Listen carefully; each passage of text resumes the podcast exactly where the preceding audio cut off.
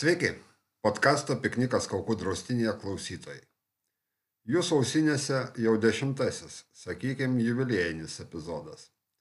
Taip, podkastas fokusuojasi fantastikos temose, bet kaip šiek tiek kūrintis žmogus kartais nuklystų ir į kūrybinės temas. Ta proga trumpa istorija apie tai, kaip aš pirmas į gyvenime susidūriau su negailestinga ir žiauria redaktūros ranka. Reikalas buvo gal kokioj penktoj, šeštoj klasiai. Žinot tą moksleivių kankinimo būdą, kuris vadinasi rašinėlis, kaip aš praleidau vasaros atostogas. Tai va, maniškis mokytojai netiko. Ji pareiškė, kad tekstas tik šast ir praėjo, aiškiai yra per trumpas ir liepia perrašyti. Tai šiandien podkastė apie redaktorius, apie rašymą, apie pamokymus rašyti ir apie mislingą, bet nesikį nuskambėsintį skaičių 6. Tai ir pradėkime. Šiandieną piknikę kaip niekada gausus svečių. Visuomet kalbėdavausi su vienu pašnekovu, šiandien turiu netgi trys tokius iškilautojus mūsų piknike. Tai mes turime mislingą damą, e, kurią vadinsime Širšę ir kurią būtent tuo vardu, pseudonimu žino fantastikos mėgėjai, kadangi būtent uh, taip ir buvo pasirašytas jos pirmasis romanas Avilys. Taip? Spiečius, gintai. O jie. Beveik, beveik. Galvoju, galvoju. Va. Nu, bet kažkas vis tiek su širšim ir su bitėm į tą pusę, ne, aš ne visai. Labai negražiai pasielgiau, bet jeigu visą tai lieka istorijai. Turime Andrių Guzaitį, su kuriuo jau kuris jau pažįstamas podkasto klausytojams ir kuris, taip sakant, tapęs populiariausių turbūt pašnekovų, nes parėję tokie komentarai kaip šitą, tai kvieskit, nes jis žino, ką šneka. Jo, jo. Patikrinsim, ar tai bus ir šiandien. Ir turime Justiną Žilinską, kurio pristatymui ir vardymui ten visokių nuopelnų ir, ir viso kito būtų galima atskirą podcastą pakurti, bet apsiribosim vardu ir pavardę. Ir šiandieną mes taip simboliškai sutapo, kad mes kalbame gimtosios, e, gimtojo žodžio dieną, gimtosios kalbos dieną, kaip ten tiksliai vadinasi, Justinai, tu žinai. Gim, e, tarptautinė gimtosios kalbos diena. Va, gimtosios kalbos diena, tai, ta prasme, kalbėjimui apie rašymą, tai labai turbūt tinkama diena, aišku, podkastas išeis ne tą dieną, bet e, mes susirinkome tą. Ir šiandien mes kalbėsim apie, apie rašymą ir apie mokymą rašyti. Kiek visą tai naudinga, kiek nenaudinga, kiek žalinga, reikia, nereikia. Tai pirmasis klausimas, kurį aš jums visiems turėsiu, tai bus toksai, ta prasme, kiek jūs patys esat su tuo susidūrę, kiek jūs patys gyvenime esat pasinaudoję kažkokiu tai, nežinau, ten internete surastais kažkokiais kursais. Skaitė kažkokią knygą, kaip parašyti bestsellerį ir paskui gyventi iš honorarų Bahamose visą likusį gyvenimą. E, ar ten tiesiog draugas Rusy prie butelio išaiškino, kaip reikia iš tikrųjų rašyti ir panašiai. Tai gal pasilkim kaip džentelmenai troleibuse ir užleiskim vietą damai. Tai širšia, kokia tavo vat, patirtis šituo klausimu? Tai sveiki visi. Mano patirtis turbūt yra atžagare, nes iki knygos išleidimo aš jokių kursų, jokių mokymų nebandžiau ir ne, neieškojau tiesa po to jau pagavo į toksai smalsumas ir keletą išbandžiau mokytojų, bet pradžia buvo paprasta lietuvių kalbos mokytoja mokykloje, paskui universitetas su matematika ir be lietuvių kalbos, o paskui turbūt atsirado rašyk kaltą puslapis, iš kurio, kuris jau turbūt esu net kelis kartus minėjus, tikrai davė labai daug. Ir tuo metu ten buvę žmonės labai daug ko pamokė. Tai negaliu sakyti, kad kažkokį vieną turėjau, turėjau prabangą turėti daug mokytojų.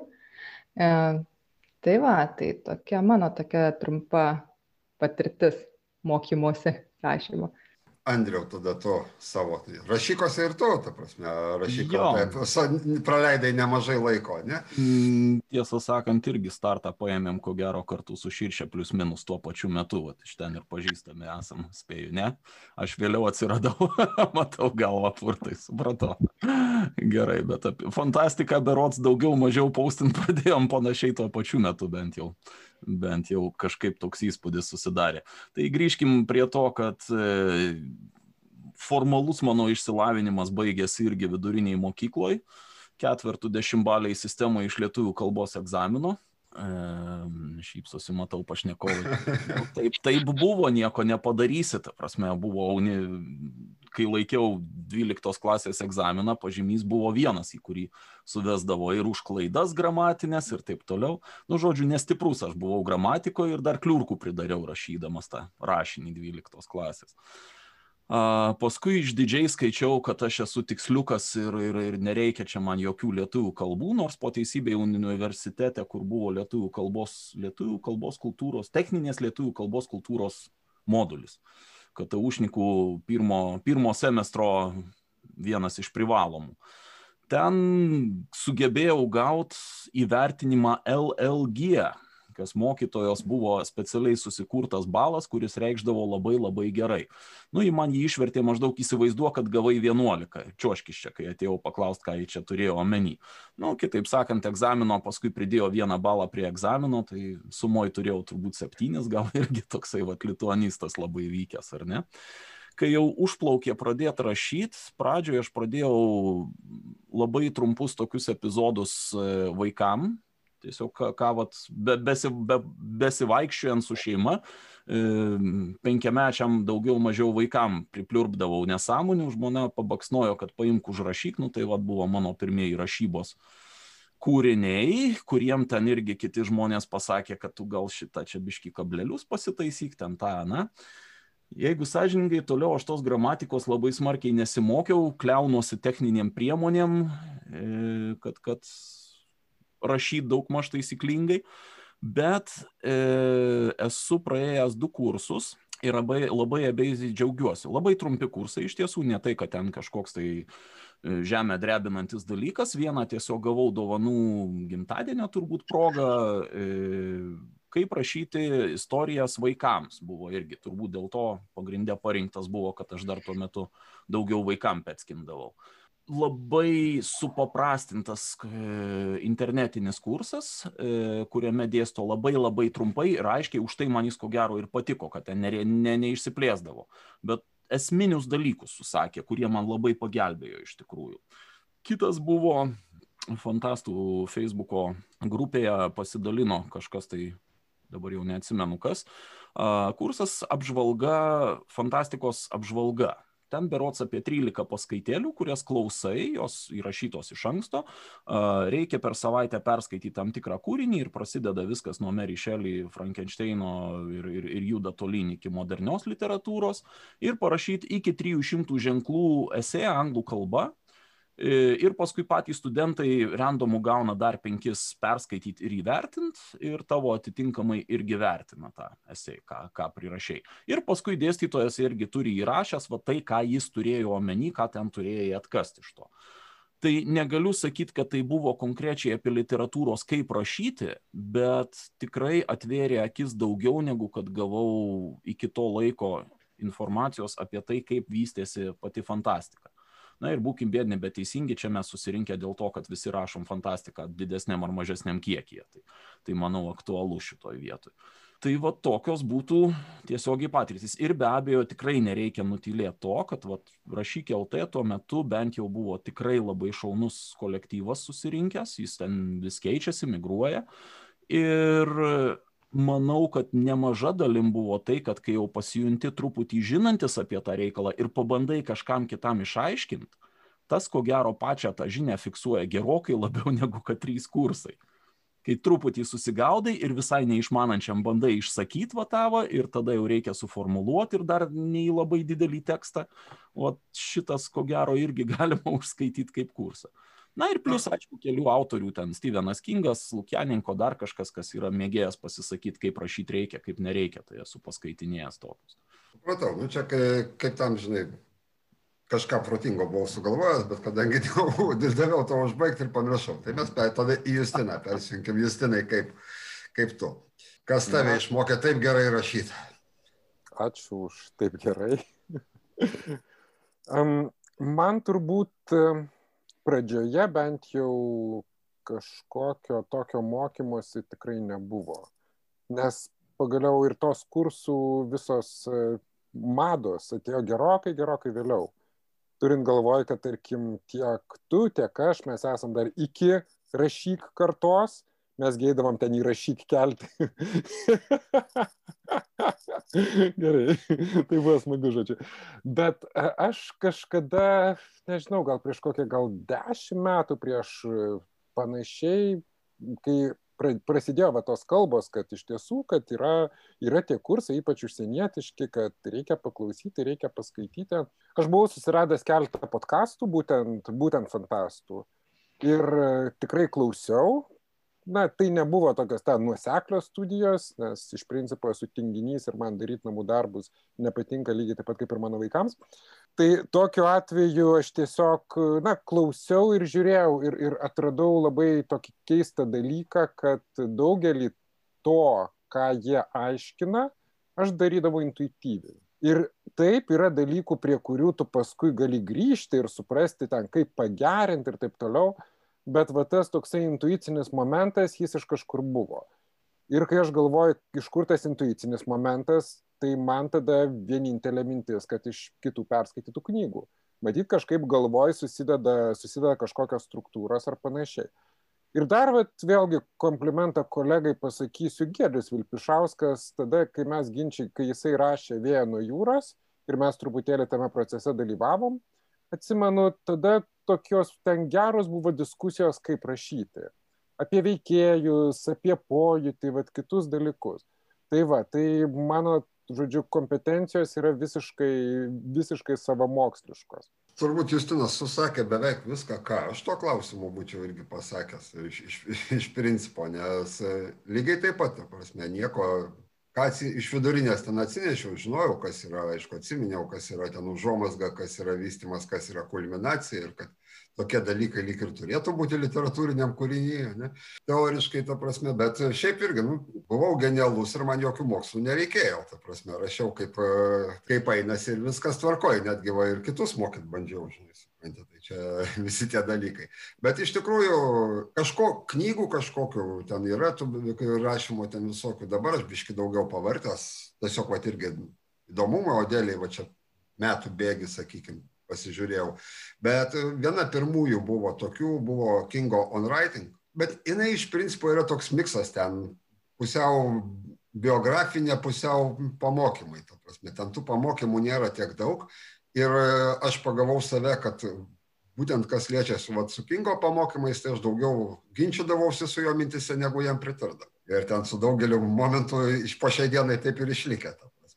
O paskui maždaug prieš kokius metus laiko aš suklausiau, irgi galima susirasti internete, yra laisvai išdėta ir panašiai, yra Brendono Sandersono rašymo kursus būtent apie fantastikos kūrinius jisai ten kalba, man tas buvo įdomu. Ir, ir tada aš kaip Justinas pastebėjau, kad aš viską, ne viską, bet sakykime tikrai ten 90 procentų aš, aš tai žinau intuityviai. Ir taip atsakymas, iš kur visą tai pareina, tai pareina iš, iš skaitimo. Kuo tu daugiau skaitai, tu, tuo labiau, gal net nesuvokdamas iki galo, kaip tai padaryta ir panašiai, bet tu perimi tas, tas kažkiek tai žinias tiek va tų tokių irgi mano mokymusi buvo.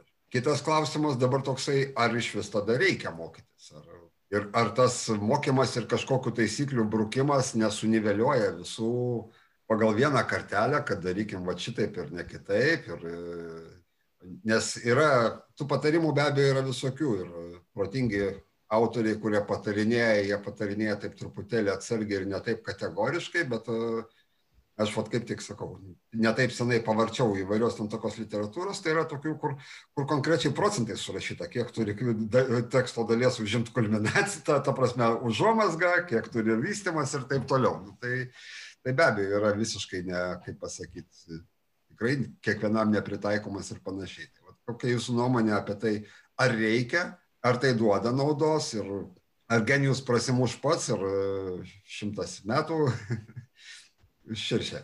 Ach, vėl man ta gerbėjo. Jo, tavo eilė atėjo.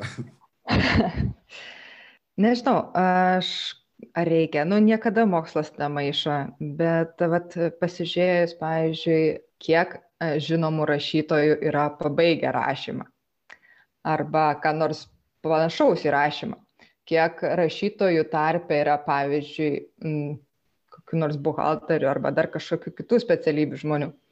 Tai realiai turbūt, na, aš nedariau jokio tyrimo, bet aš tai pagal nuojautą iš bendro kažkokio, nuo, kiek žinau biografiją, tai turbūt, nu, dažniausia ir geriausia, ką gali pagauti, tai yra kokia nors žurnalistinė praktika, nurašė kokią nors žurnalui, į kokį nors straipsnius, ten dar kažkokius.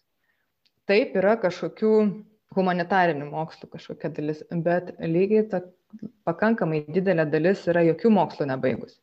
Absoliučiai, ta prasme, ne tik, kad ten literatūrinį nebaigia, bet ir yra ir kur šiaip aukštojo mokslo nebaigia ir pakankamai žinomų tų žmonių, ir rašytojų ir turiu galvoje. Tai čia yra klausimas. Iš kitos pusės, kas be tokio labiau panašaus, žiūrint į tos rašytojus, yra tai, kad žiūrint biografijas, yra tai, kad jie pradeda anksti rašyti, ir pradeda anksti rašyti, nes pradeda skaityti anksti ir daug. Tai vat, man kažkaip labiau yra turbūt mintis tai, kad tas būtent mokymasis rašymo nėra toks svarbus, bet yra svarbios gal tos kitos aplinkybės, kurios yra aplink žmogų ten jauname amžiuje arba, šiaip, na, aišku, čia nebūtinai jauname, bet, bet tas skaitimas, noras pratesti knygą, vėlgi pradeda anksti rašyti. Šešių, septynių metų, nu, kosmiškai, pavyzdžiui. Ten Atwood kokių šešių ten pradėjo, man atrodo, Lovecraftas ten septynių, nu, ta prasme, tokie atrodo visiškai vaikiški amžiai, bet, bet ar tai iš, iš kažkokio aplinkybių noro pabėgti iš savo aplinkos ateina tas noras ir ta kūryba kažkur pradeda kirbėti, manau, ir, ir, ir taip tai yra svarbiau, kad tas yra noras kažkokį savo sukurtą pasaulį kažkur užfiksuoti, negu tai, negu tie mokslai. Ir realiai turbūt vis dėlto atsveria tas skaitimas didelis. Nežinau, tikrai nesuteikiu aš jokios didelės prasmės literatūriniams mokymams, nes tiesiog istorijai nėra tų tokių labai daug faktų, kad rašė tik tie, kurie buvo baigę kažkokį mokslą jau nekalbant apie senesnius kažkokius laikus, kur apskritai ten kažkokie mokslai buvo labai riboti. Gerai, mačiau, Justinas ten ranko mojuoja, vis taip nori pasisakyti. Klausau, Justin. Andriau, jeigu tu nepyksi, peršoksiu tave. Pirmin. Man vat, yra tas vienas įdomus fenomenas, būtent vat, ką, ką, ką Širšė labai tiksliai pastebėjo ir kas yra visiškai priešinga Lietuvoje, pasižiūrėkite. Lietuvoje faktiškai visa rašytojų elitinė plejada, o Gvardija. Gvardija yra būtent humanitarai ir, ir perėję per, per Vilniaus universiteto filologijos fakultetą arba, arba kažką panašaus. Labai nedaug yra žmonių, kurie Lietuvoje yra įrašymą atėję iš profesijų. Tarkim, ta pati Sabaliauskaitė dabar, tarkim, ten mūsų superfenomenas, ar ne? Bet kas yra įdomu, jinai tarsi kaip naujų laikų ženklas.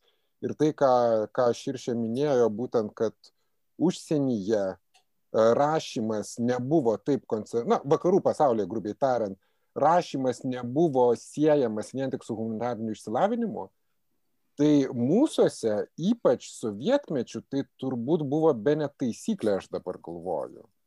Nes paimkim tą patį, tarkim, Baltušis, ar ne, tai jisai buvo, na, paprastas žmogelis, tiesiog žiauriai talentingas. Bet paskui pasižiūrėt vat, visą ten ir, ir, ir, ir tarkim, poetai visi ir, ir, kiti, kas, kas paskui, arba, arba dabartinė, tarkim, karta tų garsių rašytojų, Parulskis, Kunčinas, dar visi kiti, jie, jie buvo būtent literatūriniai rašytojai. Ir galbūt tai irgi lėmė tai, kad nebuvo žanrinės literatūros, kurioje va tokie, kaip sakant, nežinau, optimistai kaip mes galime neršti. Tai Andriau, turi ką pridurti, tave apšokom? A, aš gal truputėlį, tai nieko tokio, aš sakyčiau, reiktų laužyti tradicijas, jeigu jau šnekam čia, kad, kad ne, visi, ne visi užsienio grandai laikėsi tradicijų, va tokių, tai galim ir mes iš tikrųjų laužyti, tai tą ir pritariu. A, aš gal truputėlį sukonkretint norėčiau. Mano nuomonė, rašyti vat, tai, kas duoda kūrybinį pradą, yra vienas dalykas ir pagal save galiu pasakyti, kai man gerai gyvenasi, tai aš nerašau tada rašymas tam tikrą prasme yra, yra va, tas garo katilo voštuvas. Kad tu blogai gyventum, Andriu. Ačiū, ačiū gimtai. Tikiuosi, draugais išliksim dar kurį laiką. Bet, ai, vos nenusimušiau nuo minties, viskas gerai. A, tačiau yra tam tikros taisyklės, kurios, vat, vėlgi, man kaip daugiau turbūt tiksliukui reiktų sakyti, nors aš skaitau kaip nežinau kas, visą laiką daug ir, ir, ir, ir, ir nebūtinai tą patį. Uh, man visą laiką imponuoja tai, kad man nebereikia išradinėti dviračių ypatingai dabar šitam amžiui. Aš pilnai tikiu, jeigu pradedi rašyti nuo 13 metų, rašai ten straipsnius į sienlaikraštį mokyklos, tenai bandai išsileisti tą, na, trečią, ketvirtą, tu turi laiko nusidaužyti kelienius ir, ir gauti, ypač jeigu gauni redaktoriaus atsakymus. Tai yra praktiškai tas pats, kas gaut va tokius va bazinius mokymus. Man asmeniškai tiesą sakau, va koncentruoti mokymai, kurie buvo su, sukoncentruoti daugiau gal netgi į apsakymų rašymą, uh, reikia vat vienu sakiniu išsakyti tą, tą ir tą. tą galima padaryti taip, taip ir taip. Ir tai buvo toksai, aha, aš kaip ir žinojau šitą, bet niekad nežinojau, nu, vat, ne, neatsisėdau ir, ir neapgalvojau ir nesuformulavau savo šito. Tai vad sakau, negaliu sakyti, kad tai buvo kažkokia naujovė, man iš karto klik ten mačiau, ten mačiau, ten mačiau, bet vad tada, a, gerai, tai reiškia, šitaip reikia daryti. Ir vėlgi tuose pačiuose rašykuose labai labai daug mačiau pavyzdžių, kur žmonėm tikrai labai nekenktų tiesiog vat prasibėgt tokius dalykus. Aš jau nekalbu apie tai, kad skirstyti tekstą paragrafais ir, ir, ir bent truputėlį susipažinti su skyryba. Nu, tarkim, gerai, nu ne visiems skirta yra turėti bent šešis plus, žinai, mokykloje iš lietuvių kalbos ir vis tiek turėti norą kažką papasakot. Bet vat, šitie dalykai irgi yra, nu, vat, tas toksai fast startas, jis, jis nukerta kampą. Ir dar norėčiau paantrinti, kad po teisybei, vat, mintyse lenkdamas pirštus apie žmonės, kurie yra mano mėgstami autoriai ir, ir daugiau mažiau iš modernių laikų, kur galima link, rinkti paralelės, kokius darbus dirbo, taip darė, nu, Dickensų, žinai, ne, nečiupinėsim, ten visai kita dalis buvo. Daugelis, ko gero, buvo su žurnalistika ir panašiais dalykais susiję. Kingas, Geimanas, tas pats, jeigu neklystu, pataisykit, jeigu klystu, aš čia grinai iš atminties šaudau. Dėl tai, Kingo neatsimenu, Geimanas. Kingas tai... tikrai buvo iš, iš tų, kurie pradžioj rašė straipsnius taip toliau. Ar jis turėjo išsilavinimą, aš neatsimenu. Aš skaičiau turėjo. tą pačią knygą on, on writing, bet, bet vat, būtent, kad realiai jo darbas buvo rašyti. Tai vat, sakyčiau, jo, tas susiję, bet tai nėra pareikalavimas. Sapkovskis, 40 kiek, 4 metai, kai pirmą savo apsakymą išleido, iki tol buvo kompiuterių pardavėjas, taip toliau. Mane tas labai džiugina, tarp kitko, aš ganėtinai nemažą dalį gyvenimo pardavinėjau kompiuterius. Taip, kad metų dar kem keturių nėra, taip kad viskas prieš akį dar. Aš dabar tave kaip žiauriai nuliūdinsiu. Nu, nu. Sapas kailiais priekiavo. Kailis yra toks žodis, kurį galima daugam pritaikyti. Aš irgi tai ne tik kompiuteriais prekiavau, va. Bet čia nukrypom į šoną iš tikrųjų. Tai va, kalbant apie visas tas, e, ko, ko, kodėl iš vis visa šita tema iš principo užveri ir kodėl aš va, ją ten truputėlį gal ir jautriau kartais sureaguoju ir, ir kodėl aš netgi neturėdamas tam jokios moralinės teisės, ta prasme, įrašiau netgi pamokėlių ciklą, ta prasme, apie rašymą, nes e, Justinui irgi yra tekę ta bėda, gal truputėlį mažiau negu man, bet yra metai iš metų dalyvauti komisijoje, ta prasme, literatūrinio konkurso Litonikono. Prisiskaitai tokių dalykų, kad, kad oi ir supranti, kad tikrai, nu, reikia. Vėlgi, reikia turėti be abejo, reikia turėti kažkiek tai talento, susideda viskas iš to, kad tu turi turėti talento, tu turi įdėti darbo ir tu turi kažkiek tai turėti ir supratimą vis dėlto. Jeigu, jeigu tu kartais neturi, nu, mažą ką praleidai kažkur tai dar kažką, tai nieko nėra blogo, jeigu tau kažkas pabaksnos ir pasakys, nu, žiūrėkit, štai yra va šitaip visą tai. Aš visą laiką, kada klausė patarimo, aš nieko kito gudriau, kaip jau mūsų ne vieną kartą šiandien minėto Kingo frazė, ką reikia padaryti, norint, ta prasme, gerai rašyti. Gerai rašyti, o ką reikia daryti? Reikia daug skaityti ir daug rašyti. Tai viskas iš principo į tai susiveda. Taip, tu, kuo daugiau tu skaitai, tuo tada pareina, vat, visas šitas mokslas, jisai pareina intuityviai, ką, apie ką kalbėjo Justinas, apie ką, apie ką iš principo mes visi iš tikrųjų išnekam, kad nu, visi neatėjom po kažkokiu kursu pirmus dalykus pradėjom rašyti, gal paskui pasidomėjom, bet ta prasme visą tai ateina todėl, kad tu tu tiesiog esi savo gyvenime perskaitęs, perklausęs begalę istorijų. Ir tu jau supranti, kas yra istorija, ta prasme, nuo ko jinai prasideda, kur linkinai turėtų vesti ir, ir kaip iš vis ją reikėtų pasakoti, kad jos kažkas klausytųsi. Nu, skaitytų šiuo atveju, ta prasme, rašant ir panašiai. O kadangi buvo jau paminėta truputėlį apie redaktorius, tai va dabar patirtis tokia, aš nežinau, kiek kas turėjo, bet Sikalbėkime apie tai, redaktorius priešas ar pagalbininkas. Kaip manot, širšė ta, tavęs ten neredagavo, nesmarkiai. Naujas vardas. Man naujas vardas pasakė, kad mano, kad viskas ir taip pakankamai gerai. Tai, nu, tai aš, mano patirtis yra tik tai liūdėsys, kad negavau ir kalbos redaktoriaus, dėl ko man po šią dieną gėda ir žiauriai kažkaip nefainai, kai e, sako, žinai, skaičiu tavo knygą, viskas buvo labai fainai, nu, bet jau klaidų ten kiek. Ir tada tu galvoji, nu, ta prasme, aš turėjau daugiau negu ten 6 su pliusu ir aš rašau plius minus ten, kaip pasakyti. Ne, aš nesu, nesu litonistė ir palieku tikrai ten visokių kablelių, pamirštų ir viso ko, bet tai to, tų klaidų gal nėra daug, bet nu koks skirtumas, jų visai neturi būti. Tai, o tu pats, va aš nežinau kaip kitiem, aš pavyzdžiui, jeigu parašau tekstą, aš paskui jo nebeskaitau, ta prasme, aš jį skaitau, bet aš jį mintise kai kurias tiesiog puslapiais atsimeni, arba tu tiesiog jį vėl rašytum taip pat ir tu jo neskaitai, nes jisai tau skamba galvoj. Tai ten kažkokią raidę praleisti ar kablelį, ten kaip ir nėra, žodžiu, šansų pamatyti. Tai va, tai suspiečium yra mano toks valiudesėlis ir pamoka ateičiai, kad uh, redaktorius redaktorius bet nu kalbos redaktoriaus be kalbos redaktoriaus tai nu ne nelįsk iš po lapų ir, ir ne, daugiau, daugiau taip nenorė, nenorėsiu pakartoti. Supratau, nu, iš tikrųjų, kaip Andriu nuliūdinau su tais kailiais, tai tave noriu pradžiuginti, žinok, net po kalbos redaktoriaus klaidų praktiškai visada viena kita vis tiek kažkaip tai sugeba išlikti. Tai tos klaidos toks, žinai, kaip daigai pro asfaltą vis tiek sugeba prasimušti. Uh, Andriu, Justinas rankos nekėlė, tavęs neaplenks, tai dabar jau. Pradinės tvarkos, gerai, tvarko. Mano susidūrimų su redaktoriais buvo išskirtinai mažai, vis tik tai iš, iš čia esančios brolyjos aš ko gero mažiausiai turiu išpublikuotų darbų, bent jau apimties klausimų. Daugiausiai su redaktorium susidūrti teko vat, paskutinės knygos Dangus griūva leidime, ten buvo dar ta įdomybė, kad vis tik tai vienas iš tų dviejų kūrinių yra rašytas, nu, jau kokie geri penki metai atgal, tai savotiškai man reikėjo vėl persijungti į tą mąstymą kas kur. Man labai patiko turėti redaktorių, aš jau minėjau, kad, nu, ten va tas 6 plus taip ir liks ko gero šito pokalbio įvardinimas. Nebuvau aš labai stiprus gramatikoje, manau, aš atsimenu, kai mokykloje buvo lūžis, kur būdavo ten vos nedvėjatas penkiabaliai sistemui ir paskui berot 7 ar 8 klasėje staiga persivertė į visai, visai pamanomą pažymį. Ir aš tą, manau, pasiekiau tik dėl didžiulio skaitimo ir, ir, ir vat, regimosios atminties, kad tiesiog atsimeni, kaip ta žodis rašosi, kur kablelis turi dėtis, bet niekad ne, neturėjau gerų gramatikos žinių. Anyway, e, neužtrikime ties tuo.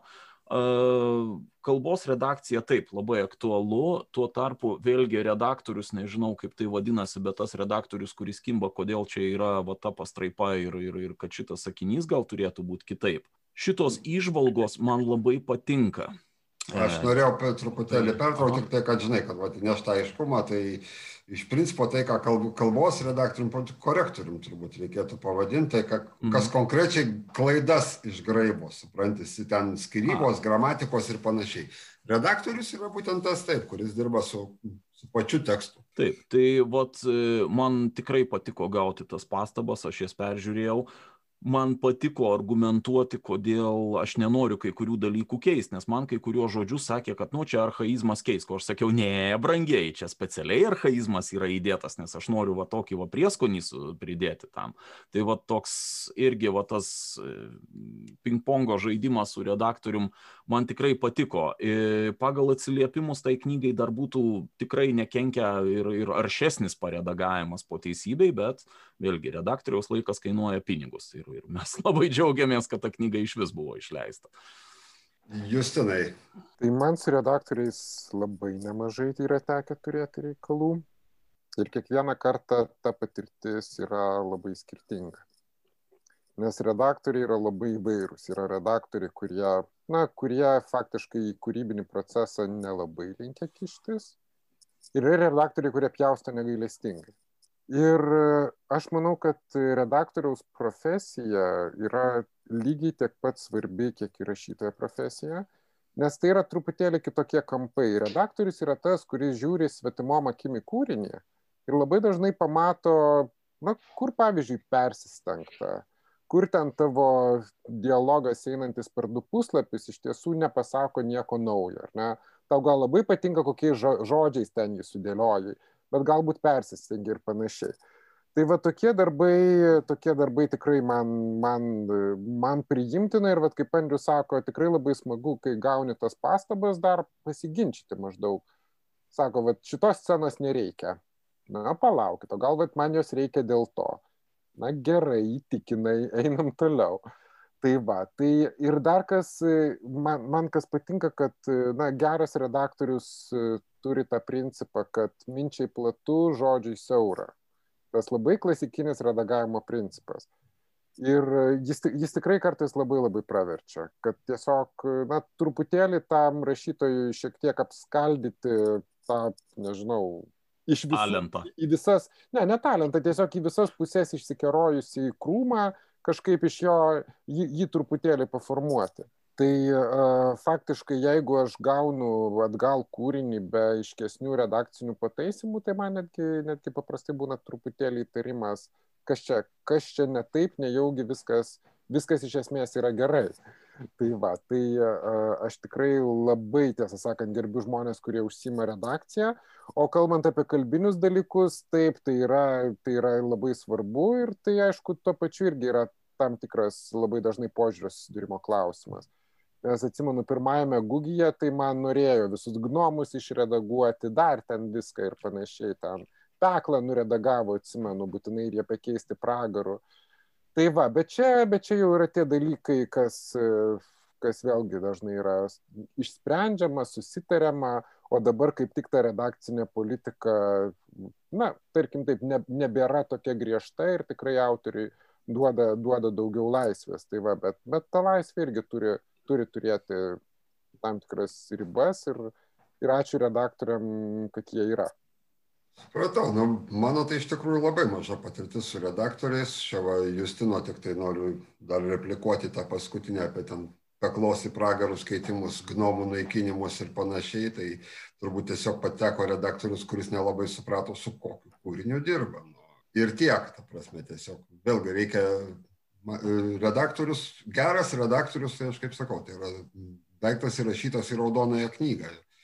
Dieną su žiburiu reikia paieškoti. Jo, dieną su žiburiu reikia paieškoti ir tai dar ne faktas, kad rasi, bet e, jeigu radai, tai tikrai labai pasisekė. Man pačiam iš tikrųjų nesisekė, jeigu tiesiai šviesiai gyvenime su redaktoriais. Ne todėl, kad ten mane kas nors labai blogai nutaisė ar dar kažkas, bet turbūt todėl, kad manęs netaisė nes jeigu mes ten paimsim pirmąjį ten laumės mėnesį, tai ten Eridanė, kaip dirbo redaktūra, užėnam į fantastikos, taip sakant, mėgėjų grupę Facebook'e ir ten kas trečias postas bus apie tai, kaip viskas ten buvo blogai. Taip kad ir, irgi tenais kažko tokio nebuvo. Paskutinė absoliučiai redaktorius buvo aš pats, kadangi viskas, viskas daryta savo rankomis ir, ir taisyta ir panašiai, o o su, su to oboliniu 38 minučių karu, tai ten irgi jauna ten buvo pakankamai mergina, kuri ten kai kurių realijų tiesiog nepagavo, ten, ta prasme, surašė visą laišką, kad Domkratas negali kristi srautulingai.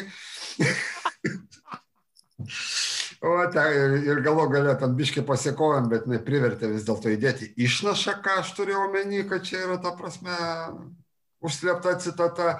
Vienintelis dalykas, dėl kurio aš ten rimtai susikoviau, tai buvo ta prasme grabas graborius. Grabas ir graborius ir aš priverčiau šitos palikti. Va, taip, tai yra neteisingai, bet aš norėjau šito žodžio. Nežinau, ar šitoje vietoje teisus. E, taip, kad sakau, su redaktoriais mano patirtis tai yra tokia visiškai minimalistinė ir apie tai aš nelabai kažką galiu kalbėti, bet aš galiu pakalbėti apie kitokio tipo redaktūrą, apie kito, gal taip irgi galima pasakyti, apie kitokio tipo testavimą. Ar naudojate Kokia jūsų patirtis va, šito atžvilgiu? Ar turite tos vadinamus beta skaitytojus? Ir ar yra iš jų naudos? Širšelė. Tai vėl turbūt tru, truputį grįšiu į, į praeitį, į rašyko laikus. Ir tai vis dėlto buvo nuostabus laikai. Ta prasme, vat, pagalvojau, kad aš bereikalo nepaminėjau jų kaip prie mokymosi, todėl kad vis dėlto e, pastabos iš daugelio skaitytojų, kurie patys yra kuriantis ir rašantis ir dauguma jų turi jau atmušę akį ant vienų ar ant kitų ar ant kelių dalykų. Tai yra labai geras dalykas, plus tas pats, kad tu pats skaitai kažkieno kito darbą ir mm, ieškai jame klaidų, vėlgi padeda paskui pasitikrinti, mm, ar aš pats taip nepadariau kartais va toj vietoj ar kitoj. Tai, e, tai va rašykas buvo geras ant to tokio mokymosi ir treniravimosi, žiauriai, nes e, tikrai e, sueidavo daug, daug žmonių ir jie negailėdavo tų pastabų ir pamokymų ir patarimų tuo metu, kai aš aktyviau rašiau. E, ir tuo pačiu galima sakyti, tai laikyti ir beta skaitytojais. Tik tai tiek, kad jie nebuvo viename asmenyje, tai buvo daug žmonių, kai kurie, jie, kai kurie iš jų ėjo galbūt per visą, tarkim, spiečiaus e, tą rašymą per, vis, per visą knygą dalyvavo, kiti gal prisijungdavo epizodiškai kažkokių duodavo. Tai ta patirtis, e, tarkim, spiečiaus atveju vėl kitokia, nes tai yra, buvo darbas tam tikrą prasme su daugeliu žmonių, nu, su daug betų. Dabar uh, Tai e, iš to vat, rašyko laikų tikrai liko nemažai kontaktų, į kuriuos aš vis dar galiu bet kada kreiptis. Nu, gal ten visi nesakys, o duok skaitysiu, bet tikrai tarp jų rasiu, kas paims ir paskaitys. Jo labiau aš jau dabar žinau, kas, kas, kur, kas kokias preferencijas turi ir, tarkim, gali atsifiltruoti ten kažką tais pagal kiekvieno žmogaus polinkį, tu žinai, kad jisai vat, žiūri tą, bet gal atlaidesnis toj vietoje arba ten kažką tokio. Tai va tarp tų žmonių yra likę nemažai, kas, į ką galima kreiptis. Paskutiniu metu dariau čia tokius pasižaidimus ir bandžiau naujų pasieškoti, išbandyti naują skaitytoją, naują akį, nes per laiką tie, tie, kas buvo tavo kažkaip e, nešališkai kritikai, tampa draugais ir tada jau tas nešališkumas, nu kaip čia pasakius, aš nesu tokia taip giliai tikinti, kad gal, galė, galvočiau, kad, žodžiu, geras bičiulis jums ir pasakys ten, viską, ką galvoja, ypatingai jeigu galvoja nelabai gerai. Tai va, tai taip naudojuosi, tai nėra taip, kad visada ir būtinai. Ir pati būnau kartais beta ir, ir, ir, ir prašau, kad mano kažkas skaitytų ir komentuotų. Ir realiai šiuo, manau, kad mūsų mėgėjų, tokių rašytojų rate, tai realiai yra vienintelis tas tas įrankis, kuriuo gali naudotis ir kuris iš tikrųjų duoda tą naudą kažkokią. Dėkui, e, Andriau. Aš labai pritariu šitoj vietoje, aš jau minėjau, kad man irgi rašykai buvo va ta vat, žaidimo aikštelė, kurioje gaudavau feedbacką, atgalinę informaciją, atsiprašau, būkime lietuviai. Uh, mano nuomonė, atgalinė informacija yra absoliučiai ir visiškai būtina, jeigu tu nori tobulėti. Jeigu esi talentas nuo gimimo, kuris tenai viską žino ir taip toliau, nu, tai vėliava į rankas, taip sakant, ir eikite ieškoti kito skaitytojų rato, aš greičiausiai nebūsiu geras skaitytojas tamstos kūrinių, bet jeigu yra noras tobulėti, e, tokiu atveju atgalinė informacija yra super geras dalykas. Vėlgi, savo gyvenimo rašykose laikotarpiu, žinoma, gaudavau tą atgalinę informaciją, daugiau mažiau iš tų pačių žmonių, kuriuos ir šį šią minėjau, manau, kad viens kitam irgi nekarta padailinom kūrinius vienu ar kitu kampu. Šiai dienai leidžiu savo kažką tai įvardinkime kabutėse publikuoti, reiškia, ar įdėti internete platesniai publikai ir taip toliau, nebent jeigu labai spaudžia terminai kokio nors konkurso, tarkim, kuriam norisi sudalyvauti ir būtinai pasirodyti, koks nuostabus ir gražus esu. Bet jeigu turiu bent truputėlį laiko, būtinai ieškau, kas man galėtų perskaityti ir pakomentuoti.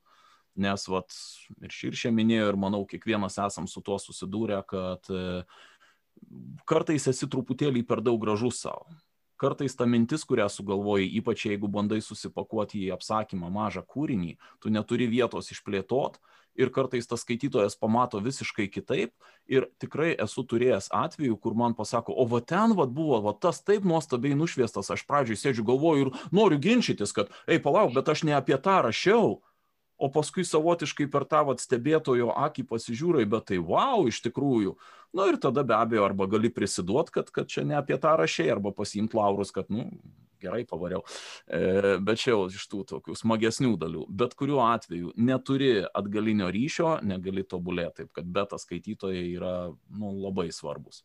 Nu, Justino aš net neklausiu, ar jis naudoja beta skaitytojus, nes mes e, vienas su kitu, nežinau kiek metų mes esame vienas kito beta skaitytojai, tikrai daug metų, ta prasme. Ir ko gero pradėjom, kai dar nei vienas iš mūsų žilas nebuvom, ne iki galo. Tai va, bet... Klausi ar neklausi? Ne, ar naudojai, ne, bet klausiu, kiek iš to yra naudos. Kaip Andrius sakė, tai tikrai labai yra svarbu ir aš kažkaip na paprastai žiūriu taip kai skaitau aš vėlgi įvairių rašytojų biografijas ir panašiai tai labai aiškiai galima išskirti tokias dvi grupes kad vieni kurie aiškiai jaučiasi genijais ir jiem visiškai nerūpi kitų nuomonė. Ir tokiems arba pavyksta arba ne. Ir kiek žinau tokie tai nesinaudoja beta skaitytojais bet tie kurie abejoja nors kiek tai man atrodo jiem visiem yra reikalingas tas toksai, na, paplekšnojimas per petį arba tiesiog palaikymas, kad parašiai galbūt kažką visai nieko.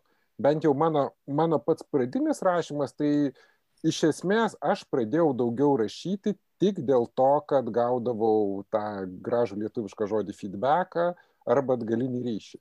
Kai pamačiau, kad žmonėm tai, ką aš ten rašinėjau dar tuo metu elektroninėse konferencijose, kad patinka, man kažkaip tai buvo toksai stimulas, nu gerai, jums patinka, aš dar daugiau parašysiu. tai va, tai, tai nuo to laiko aš, aš supratau labai aiškiai, kad, kad tikrai būtina, būtina su kiekvienu kūriniu tuos pastel beta skaitytojus.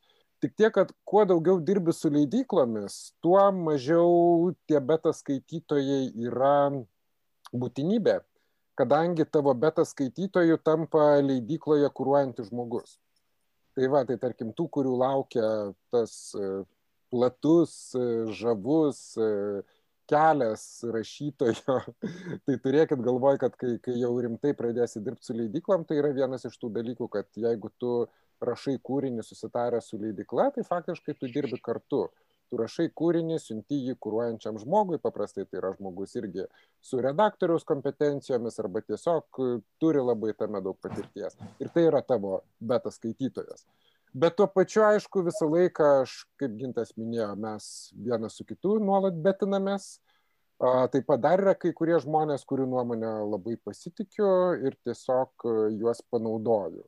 Ir netgi jeigu aš rašau ne leidyklai kūrinį, o tiesiog rašau savo malonumui, aš vis tiek jį dar pirmą kam nors nusinčiu, na, pasižiūrėt, gal, gal pagirs, gal papeiks, geriau, kad pagirtų, ne visada tai būna. tai va, o paskui padedi į viešumą ir tai jau atsijimi tada pilną krūtį.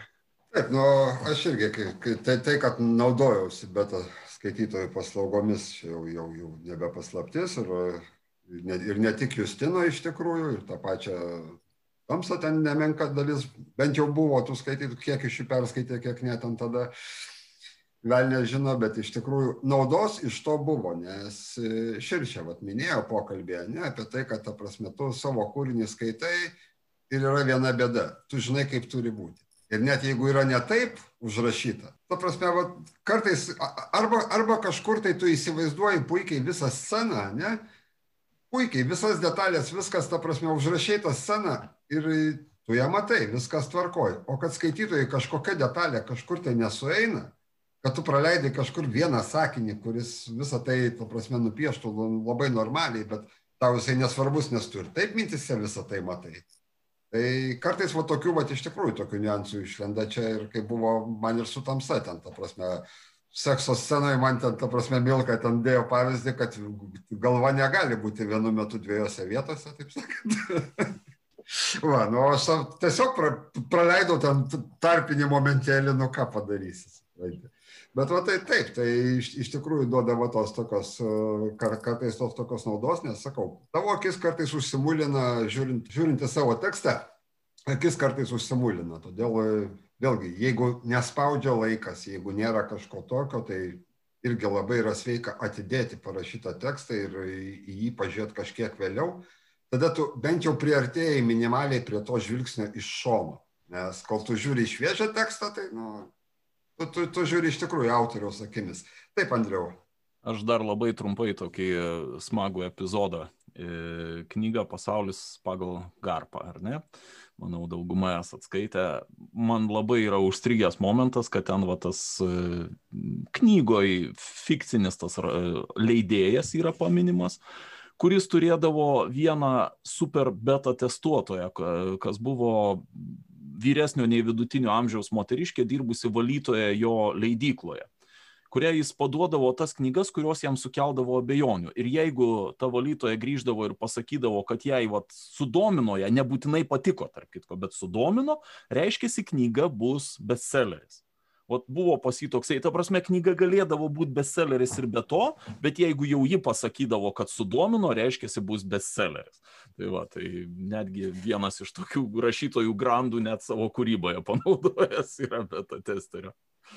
Nu, taip ir dabar va, grįžtant prie to, ką kalbėjau apie beta testerius, tai vėlgi, beta testeris, beta testerių irgi neligu, ta prasme, ten vieni vienaip, kiti kitaip, bet tiesiog irgi yra, bent jau man yra keletas žmonių, kurių, kurių nuomonė ypatingai pasitikiu, kurie, jeigu jau tas žmogus pasakė, kad čia kažkas tai panašaus į teisybę, nu, tai tada jau aš pradedu tikėti, kad iš tikrųjų kažkas tai gal ir pavyko. Nes, ne, nes iš tikrųjų turbūt, žinai, kai, kai visą laiką mes čia kalbam, aš visą laiką pasisakau, kad esu genijus ir čia tuo abejot nereikia ir, ir, kečiausias ir visa kita, bet iš tikrųjų realiai, ta prasme, to tokio pasitikėjimo savo jėgomis dar ir po šiai dienai, jo, jo nėra tokio, kad aš žinočiau, kad va tikrai viskas gerai, kol, kol man kažkas va, iš, tų, iš tų žmonių, kurių nuomonė tikrai, nepasi, tikrai pasitikiu, pasako, kad nu, kažkas tai į tą pusę, kažkas tai gerai, tai tada jau, tam paskui jau dėl smulkmenų, žinai, pasakė biškai gerai, reiškia labai gerai.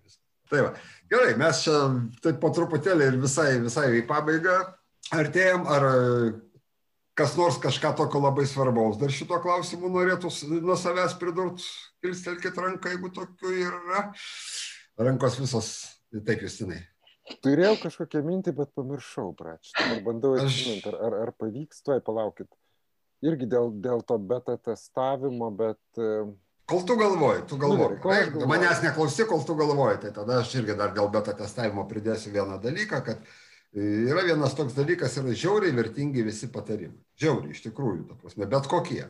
Aš išklausau absoliučiai visų, paklausau vieno iš dvidešimties. Jeigu absoliučiai kiekvieno, tai gausis e, truputėlį paradoksas, nes iš tikrųjų, kaip aš tam postė FB, kur išlėjau truputėlį, e, užsiminiau ir panašiai, čia vat, kažkada net norėjau sudėti šalia vat, grupelėmis, taip sakant, iš tų, kada parėjo atsiliepimai apie tamsą jau, jau, jau išleisti ir panašiai, kur vienas peikia už tą patį. Kitas sako, kaip čia gerai. Tu, visiems tu niekada neįtiksi.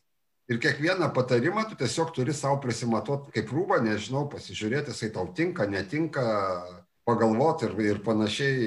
Todėl turbūt ir aš, vat, kada, bent jau, bent jau kada kalbu su, nežinau, su, su, su kitais vat, autoriais, kurių, kurie ten davė pasižiūrėti kūrinį ar dar kažką, aš visada sakau, vat, gal toj vietoj, va taip pat reikia. Niekada nesakau, kad, ta prasme, čia tikrai viskas kirsk ir, ir jokių būdų. Nes tą kirtimą ir apsisprendimą, ką daryti, visada turi palikti autoriui. Ar atsiminėjai, Justinai, dabar, ką norėjai? Ne. Jeigu atsiminsiu, dar išlipsiu. Gerai, dar. Visą aišku. Ne, tai nieko šiandien, jokiesi, nieko nekirpsi. Jau kad gėdos pasisėmėm, tai pasisėmėm visi. Aš pradėjau pirmas e, supainijos pavadinimą, tai paskui stengiuosi toliau nei vieno iš jūsų daugiau knygų pavadinimų neminėt, kad neįsiduočiau, kad nei skaičiau, nei žinau, nei aš jūsų pažįstu. Tarp kitko, šiandien jubilie, įrašinėjom jubiliejinį dešimtą epizodą podcast'o. Tai va, torto su dešimt žvakučių, žvakučių nėra, dešimt tortų su viena žvakutė irgi ne, bet vis kažkoks riboženklis, sakykime. Ne?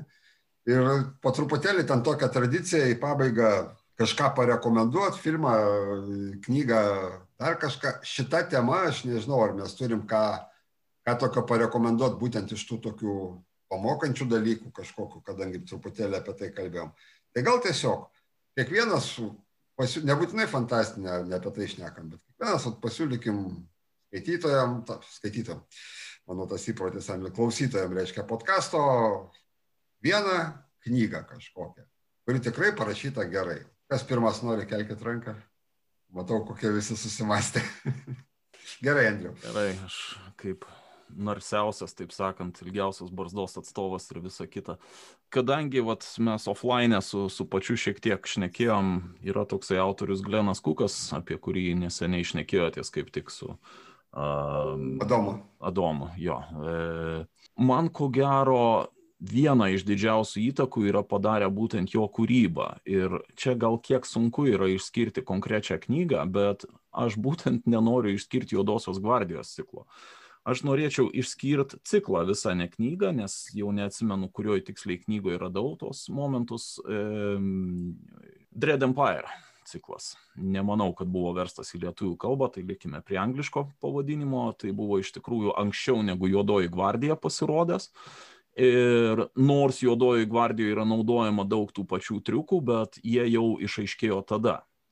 E, ką konkrečiai, gal labai smarkiai nesigilinsiu, čia jau galima labai kaip reikiant išsiplėšti šitoj temai, bet būtent kaip aprašyti kažkokį tai įvykį, neužkišant daug knygos. E, kuris, kuris iš tikrųjų aktualus tas įvykis, bet iš tiesų jo vystimasis yra aktualus realiai istorijai to įvykio rezultatas, nors tai gali būti labai mūšis visas dar kažkas, bet tai galima aprašyti vieną pastraipą ir turėti visą tą patį efektą ir tuo pačiu vat, prastumti veiksmą, visą, visą istorijos pasakojimą fast forwardint labai smarkiai į priekį. Tai va šitoje vietoje rekomenduoju skaityti Kuką, jis praktiškai visose knygose naudoja tokius, tokius pokštus kitų autorių, kurie taip ryškiai tai darytų, man reiktų pagalvoti, kad atsiminčiau.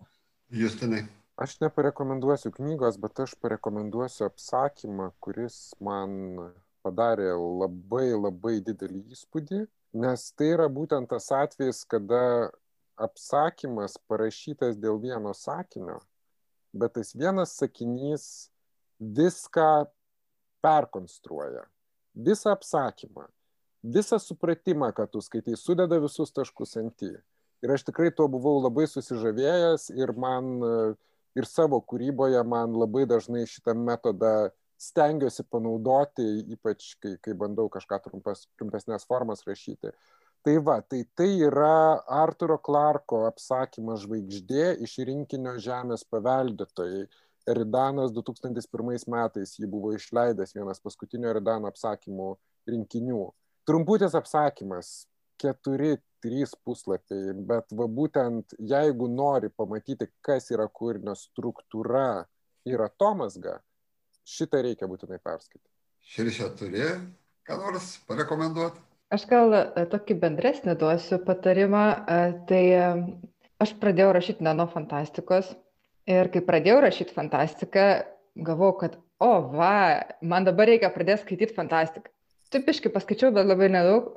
Ir paskui supratau, kad visai nebūtina taip daryti. Ta prasme, nėra būtina skaityti tai, ką rašai, nes literatūra yra literatūra. Čia kaip programuotojai, turbūt ten, jeigu jau moki nuliukus vienetukus, tai jau ir ok. Nors nežinau, aš apie programavimą nieko neišmanau, gal blogas pavyzdys. Bet esmė, kad jeigu veikia kažkokiam detektyvė, tai veiks ir fantastikui. Tai, žodžiu, galima skaityti ir aš taip šiek tiek e, pačiupinėjau fantastikos, bet, e, bet taip ir neįpoliau ją kažkaip labai ypatingai ir toliau tęsiu savo ir nesi, nesinervuoju, kai skaitau detektyvus, thrillerius, ten meilės romanus, vis to prasme plačiausias spektras. Dėl rekomendacijų yra, vat, kai Justinas pasakė apsakymas, aš prisiminiau, kad vienas yra labai neblogas apsakymas. Mm, tai yra gėlės Aldžernonai. Aš ją labai, sen, jį labai senai skaičiau ir neatsimenu, kas yra jo autorius. Kas? Jėzus. Ne, tiesiog aš laikiausi gėlės Aldžernonai rekomendaciją, laikiausi užbaigti. Mm. Tai gerai, aš, aš tada šitą... Ne, ne, viskas gerai. Neteisiu. Mm, bet šiaip yra dar viena knyga, kuri man labai užstrigo. Ir čia nėra to, iš tų knygų, kur aš sakyčiau, skaitykit ją todėl, kad joje pamatysit kažką tais, bet um, iš tiesą pasakius, aš nežinau, ar jinai rus, yra lietuvių kalboje, aš ją klausiau rusų kalboje ir tai yra poslednį Sona Razumą ir Lipskerovo. Ir man tai buvo, nu, labai labai atradimas didelis. Ta prasme, e, jinai yra tikrai sovietinių prieskonių tokių E, bet tai yra maginis realizmas ir toks maginis realizmas, su kokiu aš turbūt nebuvau, nes ten yra labai, labai realizmas ir labai keistai su magija susipina, ta prasme, ne su magija, bet su, kaip čia pasakyti, su neesamu kažkuo. Žodžiu, e, man ta knyga buvo tokia, kur, wow, kažkas kitokio labai. Tai vat, čia vat tokios mano tos rekomendacijos, turbūt tiek jų ir bus. Palieku dabar tas gėlės. Jo, gėlės Aldžernonui aš, taip sakant, buvau pasilikęs pabaigai parekomenduoti. Ten iš tikrųjų yra ir apsakymas, kuris labiau gal koncentruotas ir labiau truputėlį, labiau truputėlį gal smogia emociškai, bet iš tikrųjų iš, iš jo vėliau parašytas, ta prasme, romanas, apysaka, nedidelis romanas arba didelė apysaka, sakykim taip, to pačio autoriaus, ta prasme, visa, visa tai yra išplėtota. Tai yra iš tikrųjų labai labai geras pavyzdys kada autorius žino ką daro ir kodėl daro kada labai gerai parenka formą kada labai gerai sudėlioja viską ta prasme pačią arką visą idealiai ta prasme ir, ir daro vieną dalyką kuris man vienas iš tokių irgi truputėlį mėgstamų triukų kuriuos aš gal kitaip kažkiek tai irgi naudoju ir panašiai tai yra ta prasme pasakojimo užžiedinimas, aš nežinau, kaip čia tą prasme lietuviškai pasakyti, bet kada iš principo tu apeini ratą ir e, gauni tą tokią savotišką urorobosą, ne gyvatę, ta prasme, kuri ryja savo uodegą, taip sakant. Uroboras. Uroboras, va. Ur... Gerai, orangutangas, orangutangas. Nesiseka tau šiandien su pavadinimais. Tai jo, jo, jo, bet aš garbės žodis blaivas šiandien sėdžiu čia ir vedu. Tai va, tai ta smagia nata su orangatangiukais. Mes visi dėkoju labai visiems susirinkusiems ir e, sakome skaitytojams iki ir klausytojams. Ir iki kitų pikniko podkastų. Iki. Iki. Iki. Dėkui visiems.